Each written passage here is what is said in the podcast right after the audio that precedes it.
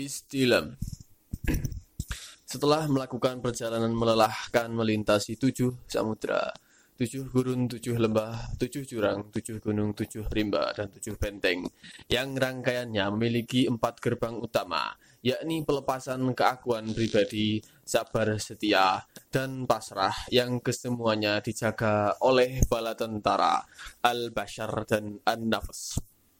Abdul Jalil tersungkur jatuh di atas rumputan belati yang terhampar di depan pintu gerbang terakhir. Dengan napas tersengal-sengal dan tenaga terkuras habis, ia menatap jauh ke arah jalanan yang telah dilaluinya. Tak ada yang tersisa di jalanan itu kecuali reruntuhan gerbang. Tiang-tiang, tembok, puing-puing, tubuh bala tentara, al-bashar dan an-nafas yang bergelimpangan tanpa daya ia masih harus berjuang lebih dahsyat lagi untuk membersihkan benteng kemuliaan tempat bersemayaman sang raja dari kekuasaan kegelapan al-bashar dan an-nafs. Namun ia sendiri masih belum paham benar makna dibalik gambaran bidadari dan hantu hitam yang menguasai benteng persemayamannya. Sementara Ahmad At-Tawallud yang menjadi pembimbing sekaligus tumpuan berbagai pertanyaan justru tidak berada di Baghdad saat ia tengah menghadapi persoalan sangat rumit itu.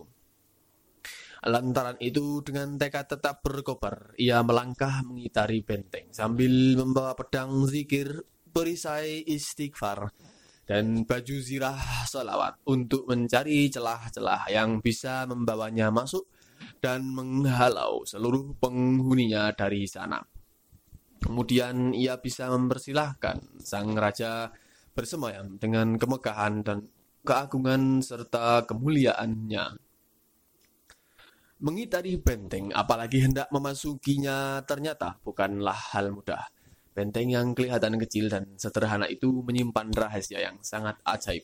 Semakin dikitari akan semakin jauhlah jalan yang harus dilewati. Seolah-olah tanpa ujung dan pangkal, Abdul Jalil pun setelah melintasi padang rumput, gurun, lembah, hutan, dan gunung. Di dalam dirinya tetap menyaksikan tembok benteng berdiri tegak di sisinya.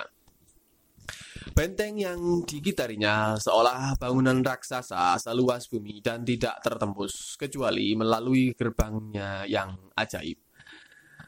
Saat ia merenungkan rahasia yang tersembunyi di balik tembok-tembok benteng yang menakjubkan, tiba-tiba di kejauhan ia melihat seseorang berjalan terseok-seok sambil membawa tongkat.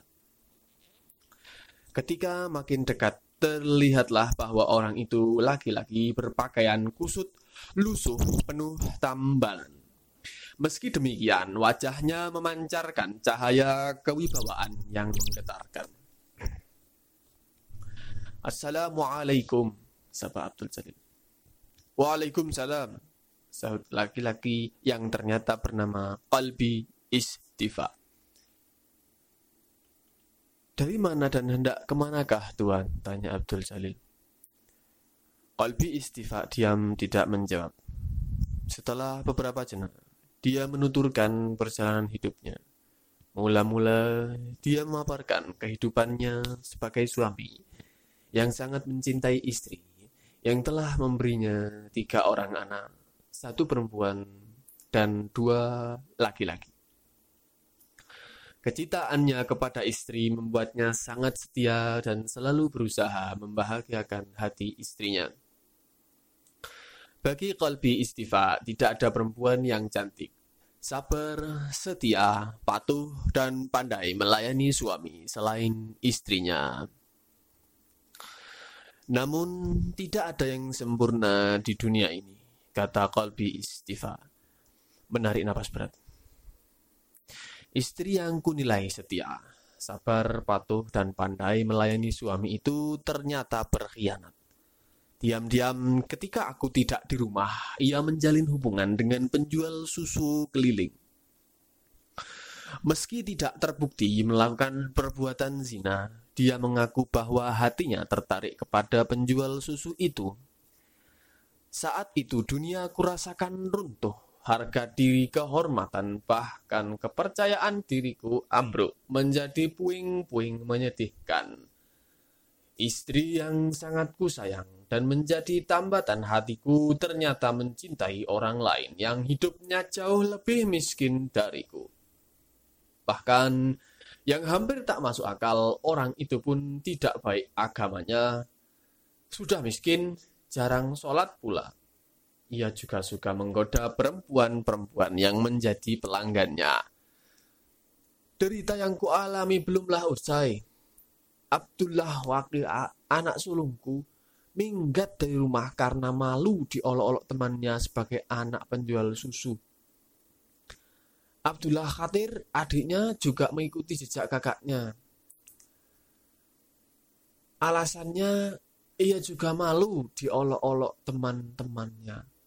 Tidak cukup dengan kepergian dua anak laki-lakiku, anakku perempuan Ummu Safah sakit dan meninggal dunia. Aku benar-benar tak berdaya, putus asa. Namun di dalam derita yang ku alami itu tiba-tiba tanpa ku sadari terbit cahaya kesadaran baru bahwa apa yang ku alami selama ini ternyata berkaitan dengan kecintaanku yang berlebihan terhadap keluarga, terutama terhadap istri. Itu sebabnya dengan hati kosong aku tinggalkan rumah setelah anakku dikebumikan. Aku tinggalkan semua milikku. Aku tidak peduli lagi dengan nasib istri dan kedua anakku. Kupasrahkan semua kepadanya. Sejak itu, istana Sir di dalam benteng hatiku telah kosong dari segala sesuatu kecuali pengetahuan tentang dirinya. Setelah menuturkan penderitaannya yang berujung pada keberhasilannya mengosongkan istana Sir dari segala sesuatu selainnya, Olbi Istifa mendadak lenyap dari hadapan Abdul Jalil. Sesaat sesudah itu, di hadapannya muncul sosok laki-laki berusia setengah baya berpakaian rapi namun wajahnya kuyu dan kusut masai. Seperti saat perjumpaan dengan Kolbi Istifa, Abdul Jalil menyapa dan menanyakan dari mana dan hendak ke mana tujuannya. Sosok laki-laki bernama Ali Al-Istibah itu mengaku tetangga Kolbi Istifa dan mengalami nasib yang sama istrinya jatuh cinta kepada kuli batu. Namun, beda dengan kolbi istifa, kata Ali Ali Istifa, memaparkan pengalaman hidupnya. Saya belum mampu mengosongkan hati saya. Sebaliknya, dendam, marah, cemburu, dan sakit hati membakar hati saya.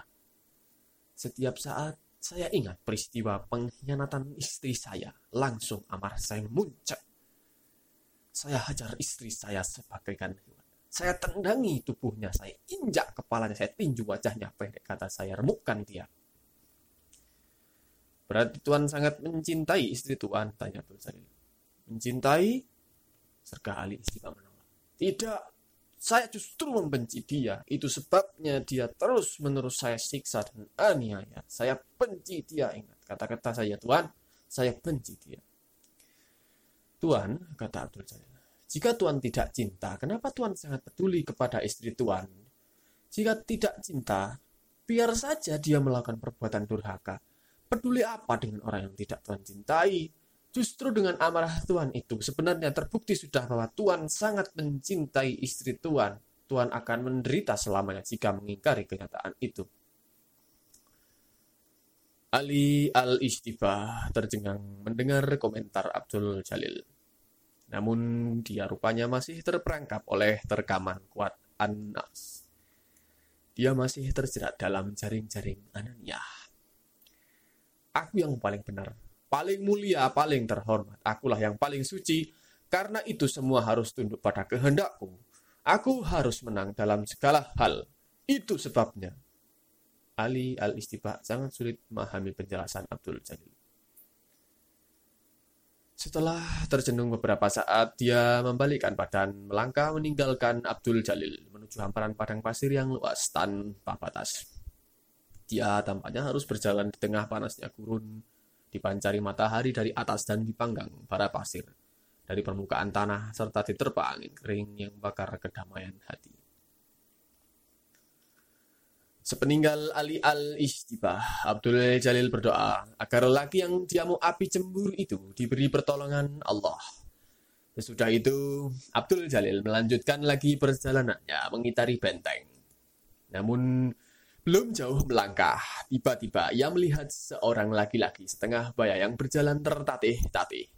Dengan disangga sebatang tongkat yang terbuat dari kayu yang menebarkan wangi cendana dan kesturi. Laki-laki itu bernama Qalbi Mustalam Al-Bala. Dia tampak agung dan berwibawa, meski peluh yang menyimbah wajahnya menunjukkan dia telah melakukan perjalanan amat jauh. Abdul Jalil mengucap salam dan bertanya dari dan hendak ke manakah dia gerangan. Qalbi Mustalam Al-Bala menyatakan bahwa dia akan kembali ke negerinya sesudah melakukan perjalanan jauh ke berbagai tempat yang membuat hatinya tambah merana dan menderita. Dia menuturkan bahwa dirinya adalah raja negeri ikhtiar yang merupakan bagian dari kerajaan Iradah yang dipimpin oleh Maharaja Malik Al-Mulki. Sebagai seorang raja bawahan, ungkap Kolbi Mustalam Anbal, aku sangat patuh dan setia kepada sang Maharaja Aku patuhi berbagai peraturan yang ditetapkannya. Sedikit pun aku tidak berani melanggar ketentuan-ketentuan yang telah digariskannya. Aku sadar bahwa Sang Maharaja mengetahui segala sesuatu yang kuperbuat. Namun, sebagai manusia biasa, aku memiliki kelemahan yaitu kecintaan yang berlebihan terhadap kadar kolbi al-kasih. Putra tunggal kesayanganku yang kuharapkan akan menjadi penggantiku. Kadar putraku adalah anak yang tampan, cerdas, kuat, patuh, setia, dan rendah hati. Sepanjang hidupku, belum pernah kudapati seorang anak yang begitu sempurna seperti dia. Seluruh perasaan cintaku kutumpahkan hanya kepadanya kebiasaan setiap raja untuk memelihara selir tidak kulakukan karena seluruh perhatian hati dan pikiranku sudah tercurah kepada Kadar. Hari-hariku sebagai raja kulalui dengan mengajar, mendidik, membimbing, dan mengarahkan. Kadar agar bisa menjadi raja yang agung, adil, dan bijaksana. Berbagai pelajaran dan latihan yang kuberikan begitu mudah diterimanya Bahkan harus kuakui dalam hal hukum dan sastra kadar melebihi aku. Demikianlah hari-hari kulewati dengan mengajaknya berburu, berlatih, memanah, berkuda, memainkan pedang, membaca syair-syair, menyantuni orang-orang miskin, dan melakukan amal ibadah terpuji yang lain. Keakraban yang kubangun bersama putra tunggalku ternyata telah menyeretku ke tindakan yang tidak terpuji sebagai raja berbagai urusan kerajaan terbengkalai. Para pejabat dan pegawai kerajaan ternyata memanfaatkan keasikanku berakrab-akrab dengan putraku itu. Mereka melakukan tindakan korup, menodai keadilan dan menista hukum. Derita dan sengsara pun dialami oleh rakyat negeri ikhtiar yang selama ini hidup dalam damai dan sejahtera. Kelalaian yang kulakukan itu baru kusadari ketika badai derita dan kepedihan meluluh lantakkan hatiku. Kadar putra tunggal yang kucintai jatuh dari kuda ketika aku ajak berburu kijang di padang adu adunya. Setelah mengalami demam semalam, tiba-tiba dia tidak sadarkan diri. Tak pernah kubayangkan putra kesayanganku begitu cepat dipanggil kembali ke haribaannya. Saat itu duniaku runtuh. Kadar putra tercinta gantungan harapanku telah direnggut begitu cepat dari sisiku berhari-hari, berminggu-minggu, berbulan-bulan dan bahkan bertahun-tahun kurasakan duniaku gelap. Satu senja ketika kulihat kawanan burung terbang di angkasa dan berbondong-bondong pulang ke sarang. Tersentaklah jiwaku oleh kesadaran bahwa aku harus kembali ke negeri ikhtiar. Namun aku ragu apakah selama aku tinggalkan tahtaku tidak diduduki raja lain Kepastian untuk kembali ke negeri ikhtiar kudapatkan ketika seorang kurir bernama Abdullah Al-Qarar yang diutus Maharaja Malik Al-Mulki datang kepadaku untuk menyampaikan perintah agar aku secepatnya kembali ke negeriku dan menghadapnya di, di istana Irata. Demikianlah dengan hati hancur, aku terpaksa kembali ke negeri ikhtiar untuk menghadap ke hadiratnya. Semoga Maharaja mengampuni kelalaian yang telah kulakukan selama ini. Abdul Jalil melihat kilauan cahaya memancar dari wajah Qalbi Mustalam al-Bala. Namun sedetik sesudah itu tiba-tiba tubuh Qalbi Mustalam al-Bala lenyap dari pandangannya. Yang tersisa adalah tebaran wangi semerbak dari kayu cendana dan minyak kesturi.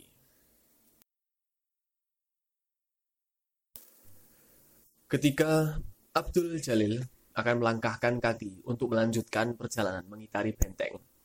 Tiba-tiba muncul sosok laki-laki bertubuh besar yang mengenakan jubah sutra hitam bersulam benang emas. Laki-laki itu berpenampilan sangat mewah, namun jalannya terseok-seok. Topang sebatang tongkat emas berhias intan permata yang kilau kemilau ditimpa matahari. Dia bernama Sa'ad bin Abu Qabd At-Talbis, seorang qadhi di negeri Maskan. Wajahnya yang berpeluh, lesu, kuyu, dan kusut terlihat menyimpan keletihan. Tubuh yang goyah dan kaki yang gemetar saat berdiri menunjukkan bahwa dia sangat lelah setelah melakukan perjalanan jauh melintasi padang belantara kehidupan duniawi. Seperti pertemuan dengan orang-orang sebelumnya, Abdul Jalil pun menyapa dengan salam dan kemudian menanyakan asal dan tujuannya. Saat bin Abu Khawat Adalbis dengan jujur menuturkan bahwa dia telah melintasi padang kehidupan ganas dalam upaya kemegahan dan kelezatan duniawi. Kekayaan, pangkat, derajat, dan kemuliaan duniawi telah diperolehnya sebagai kemestian dari usahanya yang diraih dengan susah payah itu. Dia telah beroleh segala apa yang diinginkan dan diimpikannya. Namun, kehidupan dunia ternyata mengecewakan, katanya sambil menunduk. Segala yang aku miliki dan aku cintai mendatangkan bencana dan penderitaan batin. Istri yang aku cintai senantiasa mengeluh tentang kebutuhan duniawi yang sebenarnya sudah aku berikan berlimpah-limpah. Perhiasan emas dan permata serta uang berpeti-peti tidak membuatnya puas. Dia terus mengeluh kekurangan ini dan itu. Bahkan lima buah rumah sangat mewah yang aku buatkan ternyata dianggap belum cukup. Istriku selalu mengeluh kurang. Dia selalu menuntut aku lebih giat mencari kekayaan. Jika tuntutannya tidak aku penuhi, maka dia akan mengomel sepanjang hari sehingga tak ada ketenangan bagiku di rumah. Belum usai urusan dengan istriku, muncul persoalan dengan anak-anakku, terutama Niza, putri kesayanganku. Pak aku kira dan aku duga, tiba-tiba Putri kesayanganku minggat dengan Abdul Jahal, budakku. Akibat kejadian itu seluruh kota gempar. Kehormatanku runtuh. Nama besarku jatuh. Harga diriku terinjak-injak. Aku benar-benar dipermalukan oleh putri yang selama ini ah, sangat aku sayangi. Aku tidak bisa marah terhadap Ninja karena hatiku sudah terlanjur menyayanginya. Akhirnya dengan memikul rasa malu, aku terima juga budak terkutuk itu menjadi menantu. Belum usai persoalan dengan putriku, tiba-tiba aku kehilangan jabatan sebagai qadhi akibat fitnah. Kekayaan yang aku kumpulkan dengan susah payah dikatakan sebagai hasil tindakan korup. Sultan entah dari mana asalnya memiliki daftar kekayaanku mulai dari rumah, kebun, kedai perniagaan, hewan peliharaan, simpanan emas dan permata, timbunan uang sampai jumlah budak tanpa memberi kesempatan bagi aku untuk menjelaskan dari mana semua itu aku kumpulkan. Sultan telah menggantikan kedudukanku dengan orang yang selama ini sangat memusuhiku. Aku tidak mengerti kenapa segala sesuatu yang aku miliki dan aku cintai harus terampas dari genggaman. Padahal aku rajin beribadah, sholat selalu tepat waktu, puasa Senin dan Kamis aku jalankan sepanjang waktu, Sholatul lail juga tidak pernah terluang. Sholat duha apalagi, aku juga cukup banyak menyumbang pembangunan masjid, menyantuni yatim dan piatu, menafkahi janda-janda tua dan orang-orang terlantar. Infak dan sodakoh yang aku lakukan sudah berlebih. Apalagi yang kurang? Kenapa Allah masih merampas milik aku yang aku cintai? Mendengar keluh kesah saat bin Abu Qabs At-Talbis Tiba-tiba saja Abdul Jalil merasakan pancaran nur lawami dan pemahaman fawaid meledak di relung-relung kesadarannya. Bagaikan didorong oleh kekuatan gaib, ia menanggapi keluhan saat bin Abu Qab At-Talbis. Jika Tuhan beranggapan bahwa Allah tidak adil dan sewenang-wenang karena telah merampas yang dicintai hambanya yang patuh menjalankan perintahnya maka Tuhan telah salah memandang dia. Sebab dengan ungkapan Tuhan tentang kepatuhan menjalankan perintahnya, maka Tuhan sebenarnya telah berpamrih. Artinya Tuhan menjalankan perintahnya tidak semata-mata karena dia. Tuhan menjalankan perintahnya jelas untuk kepentingan Tuhan sendiri. Tuhan berharap dengan patuh terhadap perintahnya, maka Tuhan akan bisa kekal dan abadi mengangkangi semua milik Tuhan di dunia ini. Adakah sesuatu di dunia ini yang kekal dan abadi? Ketahuilah, oh Tuhan, bahwa menjalankan perintahnya bukan hanya terletak pada bentuk ibadah badaniah belaka, seperti sholat, infak, sodakoh, zakat, puasa, dan haji. Namun yang tak kalah penting adalah kiblat hati saat beribadah kepadanya saya berani mengatakan pembohong bagi orang yang sholat namun kiblat hatinya kepada selain Allah. Begitu juga ibadah lainnya. Bagi mereka yang sudah melangkah di jalannya, tidak ada pilihan lain kecuali harus setia mengarahkan kiblat hati hanya kepadanya. Tidakkah Tuhan ingat peringatannya yang berbunyi, Jika bapak-bapakmu, anak-anakmu, saudara-saudaramu istri-istrimu, karib kerabatmu, harta benda yang kau kumpulkan, perniagaan yang kau takuti kerugiannya, dan tempat tinggal yang kau sukai. Jika ini semua lebih kau cintai daripada Allah, Rasulnya, dan berjihad di jalan Allah, maka tunggulah sampai Allah mendantakan keputusannya.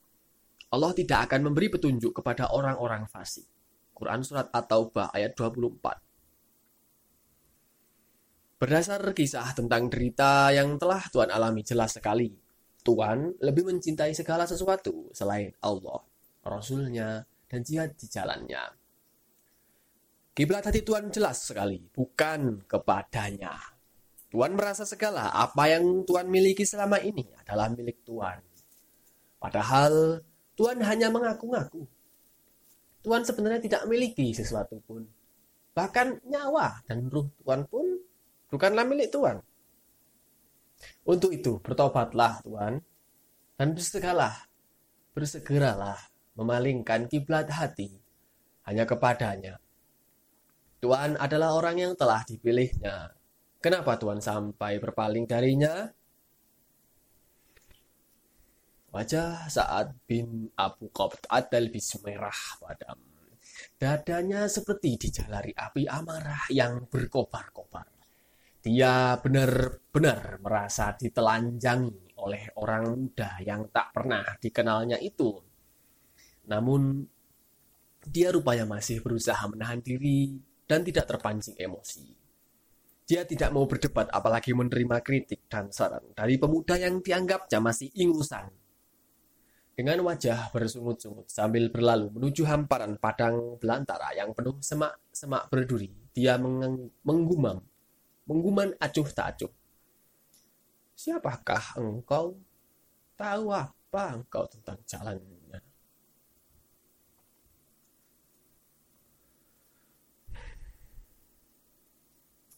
Aku adalah dia yang terbatas, yang mengejawantah dalam makna tersembunyi roh al-haq.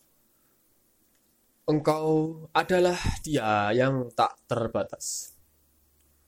Zat yang meliputi, yang maha melihat, maha kuasa, yang tersembunyi pada batin segala yang lahiriah. Engkau maha suci dari segala sesuatu.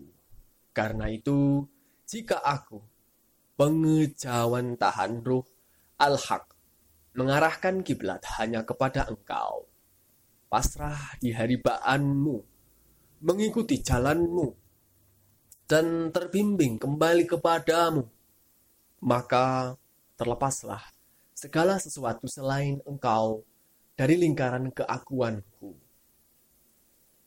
Ketika dia yang tak terbatas berkehendak menarik, dia yang terbatas yang mengejawantah dalam makna tersembunyi ruh al-haq yang terpanjara oleh tubuh duniawi, keakuan. Maka disucikanlah benteng persemayaman ruh al-haq dari segala terali penjara keakuan duniawiyah. Dan jika saat dikehendakinya telah tiba, sesuai kehendaknya, maka luluh lantaklah penjara keakuan duniawi oleh serbuan api bala yang tercurah dari langit, yang memancar dari dasar bumi.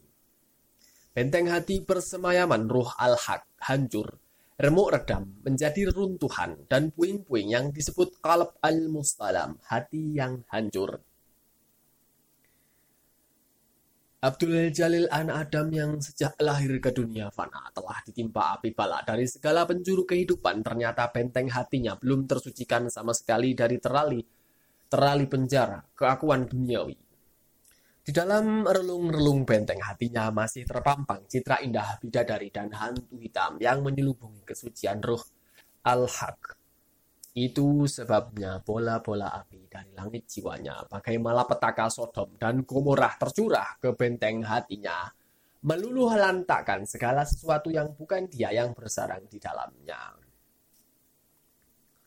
Ia yang selalu tangguh dan ulet dalam menangkis serbuan api bala dari atas langit dan dasar bumi jiwanya. Ia yang lepas segala miliknya, prajurit-prajurit, benteng-benteng, puri-puri, gudang makanan, gudang perbendaharaan, mahkota, perisai, baju, zirah, busur, pedang, anak panah, tombak, dan bahkan sepatu miliknya demi keselamatan jiwanya ternyata harus tersungkur tanpa daya ketika menghadapi serbuan akhir. Ia terpojok. Ia sudah kehilangan segala sesuatu yang berharga yang dapat digunakan untuk mempertahankan dirinya. Dan selembar jubah sutra bersulam keindahan bidadari dan bunga-bunga yang dikenakan sebagai pakaian kebesaran terakhirnya yang berharga ternyata harus direnggut dan dicampakkan ke dalam kobaran api bala yang tak kenal ampun.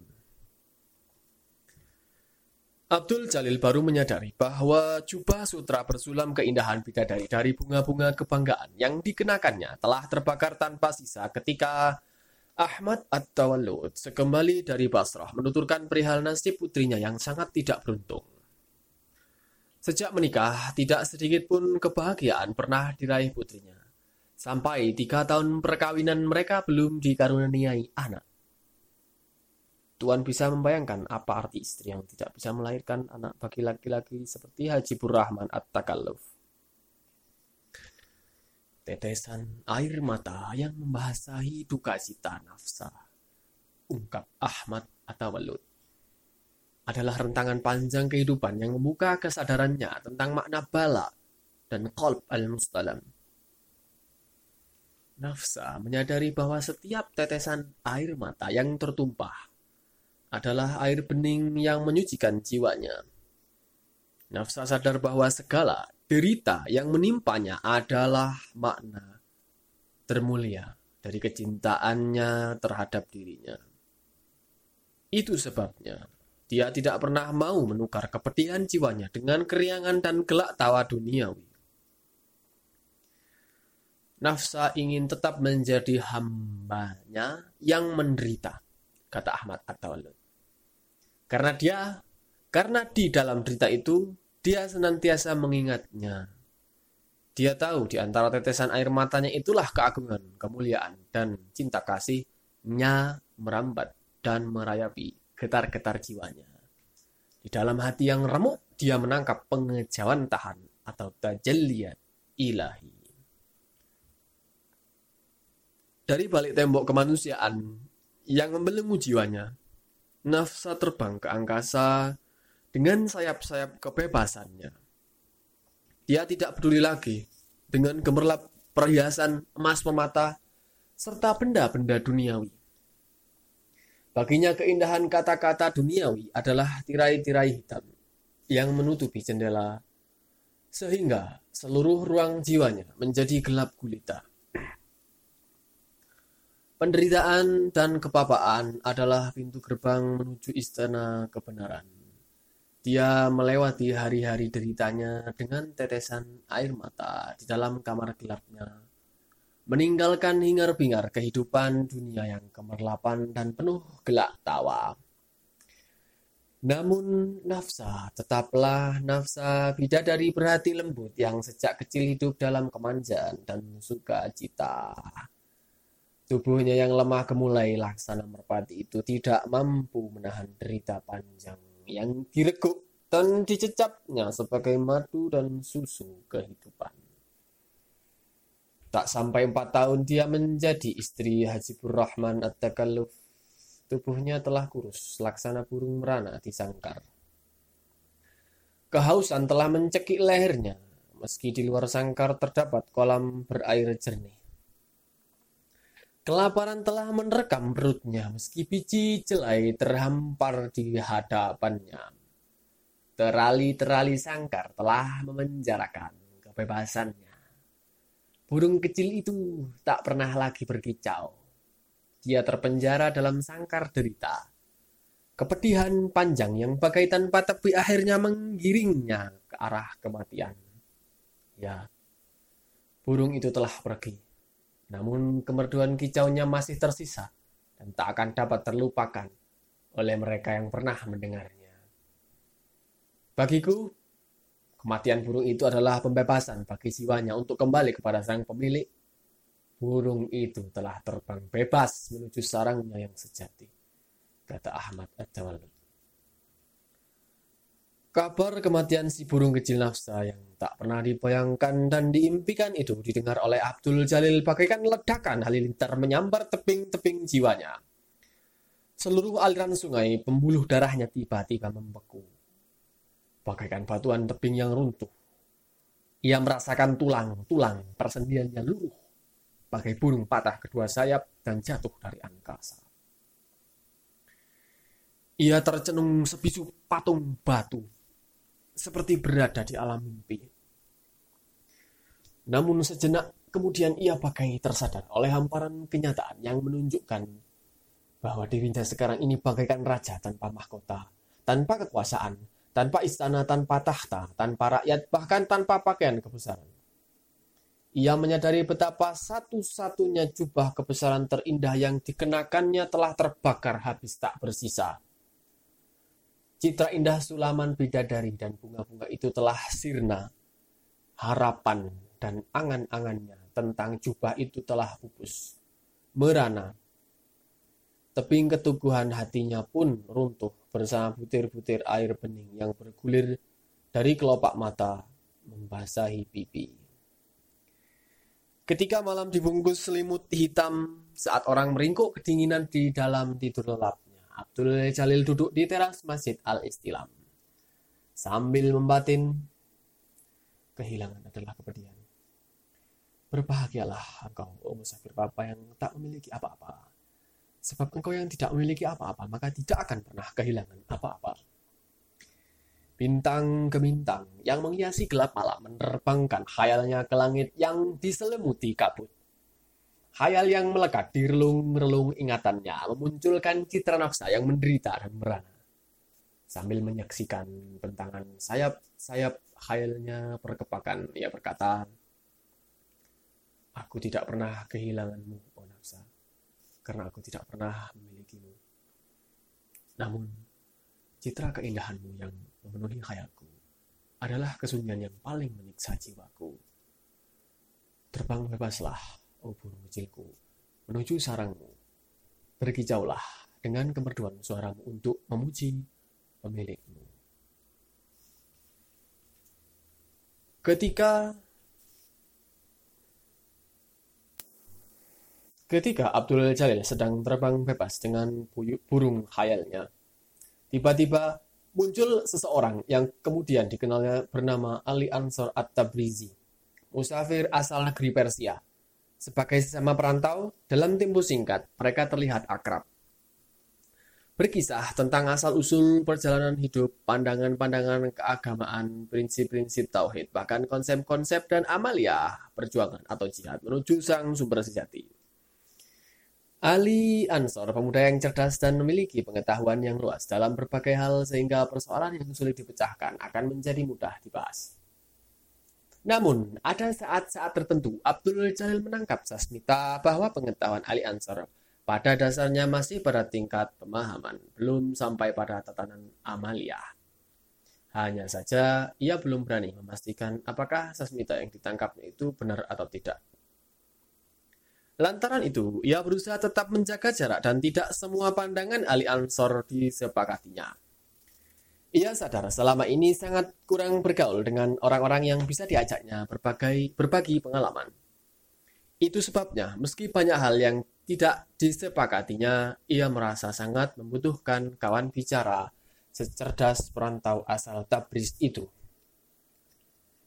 Keakrabannya dengan Ali Ansor pun makin erat manakala ia mengetahui pemuda itu meninggalkan negerinya karena tak sanggup menanggung hati yang hancur akibat kematian kekasih tercinta. Kesamaan nasib menumbuhkan empati dan solidaritas. Ali Ansor menuturkan kisah percintaannya dengan Kamilah, tetangga sebelah rumah yang telah dikenalnya sejak masa kanak-kanak. Berbeda dengan keluarga Kamilah yang kaya dan terhormat. Keluarga Ali Ansor hidup dalam keterbatasan, meski darah yang mengalir di tubuh keluarganya adalah darah Alawi, keturunan Rasulullah. Keluarga kami adalah pendukung setia keluarga Safawi yang sedang berjuang menegakkan kekuasaan Ahlul Bait. Itu sebabnya keluarga kami selalu dalam buruan dan penindasan penguasaan yang zalim. Namun kami bertahan terhadap semua tekanan yang diarahkan kepada kami, katanya dengan mata berapi-api. Sebagai pendukung setia keluarga Safawi ternyata membawa akibat pedih baginya. Keluarga kamilah yang sangat membenci, membenci perjuangan kaum Safawi, tegas-tegas melarang Ali Ansor berhubungan dengan putri mereka. Mereka tidak ingin tersangkut paut dengan gerakan pemberontak. Aku memprotes keputusan itu. Aku katakan kepada ayahanda Kamilah bahwa persoalan cinta tidak ada kaitan dengan perjuangan kaum Safawi. Namun mereka malah mengusirku dan puncaknya ketika keluarga itu dengan paksa menikahkan Kamila dengan seorang petugas penarik pajak yang licik dan kejam. Ujar Ali Ansor menarik napas dalam-dalam. Perkawinan Kamilah ternyata tidak membawa kebahagiaan. Selama bertahun-tahun mereka tidak dikaruniai anak. Kamilah oleh suaminya dijadikan pemuas nafsu belaka. Dia tidak pernah lagi dianggap sebagai istri yang bisa menjadi ibu dari anak-anaknya. Bukan hanya caci maki dan pukulan yang didapat Kamilah dari suaminya, melainkan silih berganti perempuan cantik dibawa ke rumah dan diperkenalkan sebagai istri-istri baru. Namun ternyata para perempuan itu tidak melahirkan anak seorang pun bagi suami Kamilah. Penderitaan lahir dan batin yang dialami Kamilah akhirnya membawanya ke gerbang kematian. Saat itu, aku merasakan duniaku runtuh Harapan dan khayalku tentang Kamilah yang indah telah sirna tanpa bekas. Mahligai hatiku yang menyimpan citra indah Kamilah telah remuk, luluh lantak, tutur Ali Ansor pedih. Seharusnya, ungkap Ali Ansor, dia sudah putus harapan dengan kehidupan di dunia ini. Namun, dorongan semangatnya sebagai keturunan Rasulullah yang mulia telah menumbuhkan kekuatan dahsyat untuk pantang menyerah dalam menghadapi tantangan hidup Berbulan-bulan kulalui dengan memohon barokah dan karomah dari Sayyid Hamzah bin Imam Musa Al-Kazim yang dimakamkan di Rey, dekat Tehran. Berbulan-bulan pula kulalui dengan memohon barokah dan karomah dari Sayyid Zauddin Asraf bin Imam Musa Al-Kazim yang dimakamkan di Astana Asraf ya di Gilan. Dan alhamdulillah aku mendapatkan kekuatan baru. Selanjutnya Ali Ansor mengungkapkan perjalanan ruhaninya, menziarahi makam makam Sayyidina Husain di Karbala yang mendatangkan kekuatan batiniah baginya. Ali Ansor yakin para imam suci beserta seluruh keturunannya adalah pembimbing umat manusia dalam menafsirkan dan mengamalkan ajaran yang telah disampaikan oleh Rasulullah. Jikalau benar apa yang dikatakan uak Tuhan bahwa Tuhan masih keturunan Rasulullah, maka hendaknya Tuhan menyadari keberadaan yang mulia itu Tuhan hendaknya menjadikan Muhammad Sallallahu Alaihi Wasallam leluhur kita sebagai panutan. Beliau lelaki sejati yang pantang menyerah meski harus kehilangan orang-orang tercinta, termasuk kematian putra-putra kebanggaannya di usia dini. Beliau kuat, perkasa, tak goyah menghadapi gempuran dari segenap penjuru, kata Ali Ansor menyemangati. Entah akibat kemandaian Ali Ansor berbicara atau karena sedang dalam keadaan sedih dan butuh penguat jiwa. Abdul Jalil merasakan getar kebanggaan menguasai dada ketika ia menyadari di dalam dirinya mengalir darah Rasulullah dan para ulama dari golongan Alawiyin. Hidup mereka selalu digempur oleh serbuan api bala, namun mereka tidak pernah menyerah, bahkan menjadikan mereka sebagai orang-orang mulia yang dekat dengan Al-Khalid. Getar kebanggaan yang memenuhi dada itu mendorong Abdul Jalil untuk melakukan ziarah ke makam Rasulullah sekaligus menunaikan ibadah haji. Keputusan Abdul Jalil untuk berziarah ke makam Rasulullah pada musim haji datang disambut gembira oleh Ali Ansar. Sambil menepuk-nepuk bahu Abdul Jalil, dia berkata dengan berziarah ke makam Rasulullah, berarti Tuhan telah kembali kepada sumber Tuhan yang sejati Mudah-mudahan kita dapat berjumpa di sana pada musim haji mendatang. Ujarnya dengan mata berbinar-binar. Keakraban Abdul Jalil dan Ali Ansor semakin erat. Hal itu terjadi bukan saja karena Ali Ansor memiliki pengetahuan yang luas tentang berbagai hal. Melainkan yang tak kalah penting adalah karena sahabatnya Ahmad At-Tawallud sedang pergi berlayar ke berbagai negeri mengurus perniagaannya. Abdul Jalil ditinggalkan sendirian di rumahnya yang megah di Baghdad. Ia hanya ditemani beberapa pelayan. Kesendirian di tengah semarak kota Baghdad itulah yang mendekatkan hubungan mereka. Ali Ansor sangat pandai menjalin hubungan baik dalam hal kesantunan, keramahan, maupun pembicaraan tentang agama, filsafat, sejarah, ketabiban, hingga politik kekuasaan kepada Abdul Jalil yang beberapa kali mengunjungi pemondokannya di tepi sungai Tigris. Selalu disuguhkan makanan khas Persia. Jelo kabab atau nasi dengan daging panggang. Fesinjan atau daging itik kuah dicampur kenari dan sari buah delima. Dolmeh atau daging isi dibungkus daun anggur. Abkhus ashiristeh dan berbagai roti Persia seperti lavash, taftu, sangak, dan beri-beri. Selama menyantap suguhan, Ali Ansor bercerita ini dan itu tentang kehidupan di berbagai negeri, terutama di Persia yang menurutnya sedang dikuasai oleh orang-orang zalim yang durhaka karena selalu menodai agama dan menipu rakyat.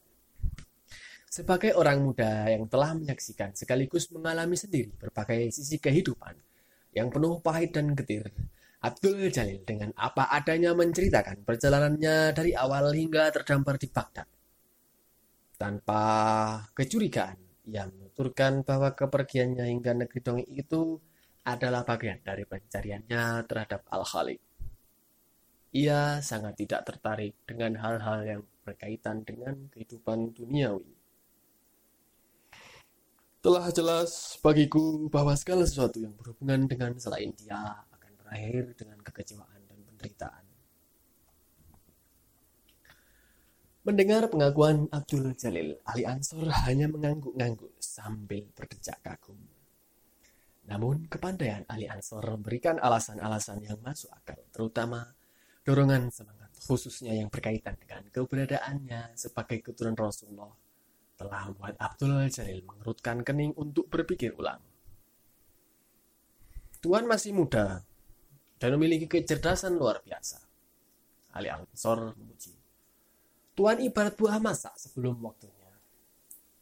Namun, Tuhan harus selalu ingat bahwa nenek kita, Muhammad SAW, adalah pejuang kemanusiaan agung yang rela berkorban apa saja demi tugas sucinya. Berbelas tahun beliau menyepi sendiri di Gua Hiro untuk mencari kebenaran sejati. Setelah beliau menemukan kebenaran sejati terutama dalam peristiwa agung Isra Mi'raj, di mana beliau telah berhadapan langsung dengan Allah. Ternyata tidak membuat beliau terputus dengan kehidupan duniawi. Beliau tidak menjadi petapa yang mengasingkan diri Beliau justru kembali ke kehidupan dunia dengan mengemban tugas suci darinya, berjuang menegakkan kebenaran agamanya, memimpin umat ke jalannya, menjadi teladan umat manusia, menjadi kepala keluarga, dan bahkan menjadi panglima tinggi perang bagi umatnya. Selain berkisah tentang Rasulullah, Ali Ansor juga menuturkan keteladanan para Alawi, keturunan Rasulullah baik dari galur Sayyidina Hasan maupun dari Sayyidina Husain. Tanpa kenal lelah, ungkapnya, para Alawi menyampaikan ajaran Rasulullah ke berbagai negeri. Kekalahan para keturunan dan pengikut Sayyidina Ali dari si iblis besar Muawiyah dan keturunannya tidak menjadikan mereka patah semangat. Mereka seberangi lautan luas dan gurun yang ganas untuk menyampaikan kebenaran Islam kepada mereka yang sedang berada dalam kegelapan. Tak terhitung kaum Alawin yang terbunuh di jalan Allah namun mereka tak pernah surut langkah menegakkan agama Allah. Iman suci sebagai penerus kemuliaan Rasulullah mereka jadikan sumber ilham yang tak pernah kering bagai gelora semangat perjuangannya.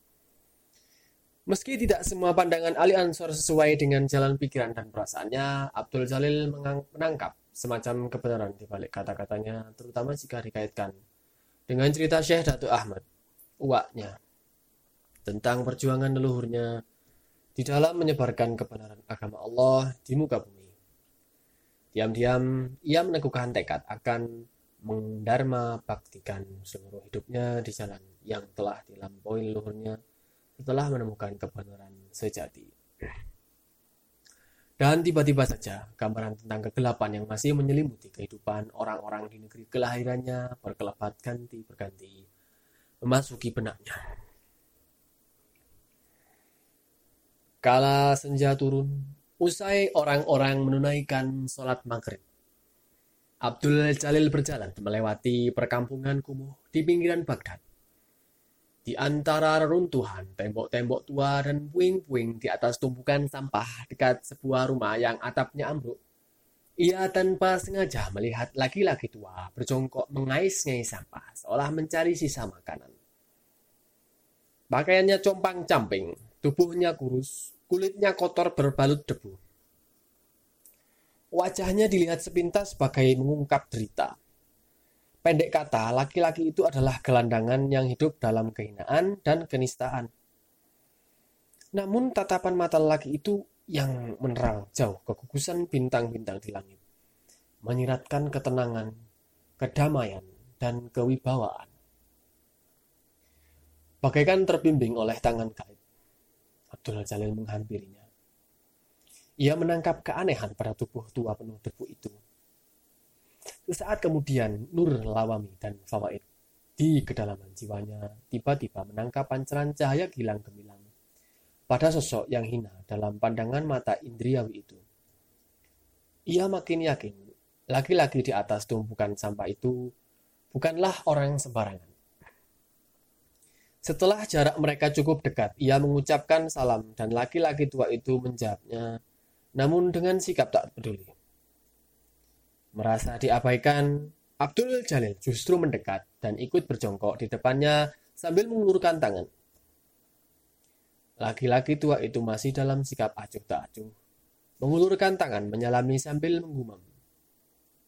Tidak hinakah seorang keturunan Rasulullah menyalami fakir papa ini? Tuhan, bagi saya semua manusia adalah sama, yaitu hamba Allah. Hanya pandangan mata indriawi dan peraturan yang dibuat manusia sajalah yang membeda-bedakan satu manusia dengan manusia yang lain. Bangsawan mulia, agung, terhormat, berpangkat, kaya raya, maupun yang sudra, hina, nista, miskin, fakir, dan papa adalah sama di hadapannya. Yang membedakan mereka adalah takwa. Ketakwaan tidak bisa dilihat hanya dari penampilan lahiriah semata. Dalam pandangan saya, Tuan adalah hambanya yang mulia lagi terhormat. Meski orang lain memandang Tuan sebagai orang hina. Laki-laki tua yang ternyata bernama Ainul Parasih itu tiba-tiba memegang bahu Abdul Jalil. Dia menatap mata Abdul Jalil dalam-dalam seolah hendak mengukur kekuatan jiwanya. Sesaat kemudian dia berkata, jika engkau teguh dan istiqamah berpegang pada ucapanmu itu, dan engkau duduk laksana pengemis papa di hadiratnya, maka Allah akan membukakan pintu-pintu ilmu dan menganugerahimu pengetahuan khusus darinya, yaitu tentang rahasia dan pemahaman ilahiyah. Saya akan berusaha istiqomah dan mohon kepadanya agar hati saya senantiasa dikosongkan dari sesuatu selain dia, kata Abdul Jalil Takzim. Jika demikian, sahut Ainul Farasi tenang, tinggalkan orang-orang yang akan mempengaruhi jalanmu. Sebab sesungguhnya engkau diperangkap oleh kebanggaan diri akan nasab yang bermuara ke samudra keakuanmu. Allah tidak pernah menetapkan sesuatu yang dikehendakinya atas dasar nasab semata. Ingat kisah Nuh yang anaknya durhaka terhadap Allah? Ingat Ibrahim yang ayahandanya masuk ke dalam golongan orang-orang sesat? Jika engkau setia di jalannya, maka engkau akan mendapati Ibrahim sebagai bapak tauhid yang berhasil memutus hubungan antara anak dan ayah atau Ibrahim dan ayahnya, Terah. Maupun hubungan antara ayah dan anak atau Ibrahim dan Ismail. Sehingga ia beroleh pencerahan menjadi sahabat sang kebenaran sejati. Sesungguhnya, hubungan ayah dan anak adalah hubungan kemakhlukan yang bersifat nisbi dan berujung pada nafs yang satu atau nafs al-wahidah yakni hakikat Adam citra sebentuk tanah yang di dalamnya tersembunyi rahasia ruhnya Ibrahim telah menangkap rahasia paling rahasia ilahiyah dari kalimat La ilaha illallah dan inna lillahi wa inna ilaihi raji'un. Ketahuilah bahwa hubungan anak dan ayah, anak dan ibu, suami dan istri, serta laki-laki dan perempuan sesungguhnya adalah hubungan yang bersifat duniawi. Ingatlah ketika Adam diciptakan di Jannah Darussalam, tidak dibutuhkan ibu dan bapak. Ingat pula ketika Adam membelah diri saat kemunculan Hawa. Proses itu terjadi bukan di dunia. Karena itu kebapakan Adam dan keibuan Hawa saat melahirkan putra-putra terjadinya di bumi. Jika engkau naik ke langit, maka engkau akan mendapati bahwa di sana tidak ada perbedaan laki-laki dan perempuan, anak dan ayah, anak dan ibu, suami dan istri, semua adalah universal bulan, bintang, bumi, matahari, bintang, planet, malaikat. Karena itu, oh anak muda, jika engkau bertekad bulat untuk mendekatinya, maka prasyarat mutlak yang wajib engkau penuhi adalah meninggalkan sesuatu yang bersifat keduniaan, termasuk kebanggaan terhadap nasab. Ketahuilah, oh anak muda, saat Muhammad dijalankan olehnya dari Masjidil Haram ke Masjidil Aqsa atau Isra, lalu Mi'raj ke Sidratil Muntaha. Ia bukan lagi sebagai seorang laki-laki di bumi. Muhammad saat itu adalah Al-Haq yang universal yang kembali ke sumber sejati. Itu sebabnya sangat jahil orang yang menggambarkan buruk sebagai hewan tunggangan berkelamin perempuan. Buruk adalah makhluk universal, tidak jantan dan tidak betina. Hanya pikiran keduniaan manusia sajalah yang menghayalkan segala sesuatu yang universal identik dengan kebumian yang parsial. Saya paham Tuan, Saud Abdul Jalil Takzim. Karena itu hatimu harus hancur dari segala hal duniawi jika engkau menghendaki keakraban dengannya. Kata Ainul Parasih yang tiba-tiba saja berdiri, kemudian membalikkan badan. Abdul Jalil termangu-mangu menatap kepergian Ainul Parasih hingga tubuhnya lenyap ditutupi kegelapan malam. Diam-diam ia bersyukur telah diberi anugerah oleh Allah berupa sepercik pengetahuan untuk melihat makna hakiki manusia dengan pandangan mata batin. Pancaran nur lawami dan pemahaman fawaid di kedalaman samudera kesadaran telah didapatkannya karena telah menyaksikan citra agung seorang kekasih Allah yang memancarkan cahaya gilang gemilang dari seorang gelandangan seperti Ainul Barasih. Padahal orang-orang terhormat dan dipuja-puja seperti Syekh Abu Syar Az-Zulbi justru membiaskan citra seorang hewan. Ah, pikir Abdul Jalil, betapa menakjubkan Allah yang menebarkan tirai rahasia untuk menghijab kekasihnya dari pengetahuan duniawi.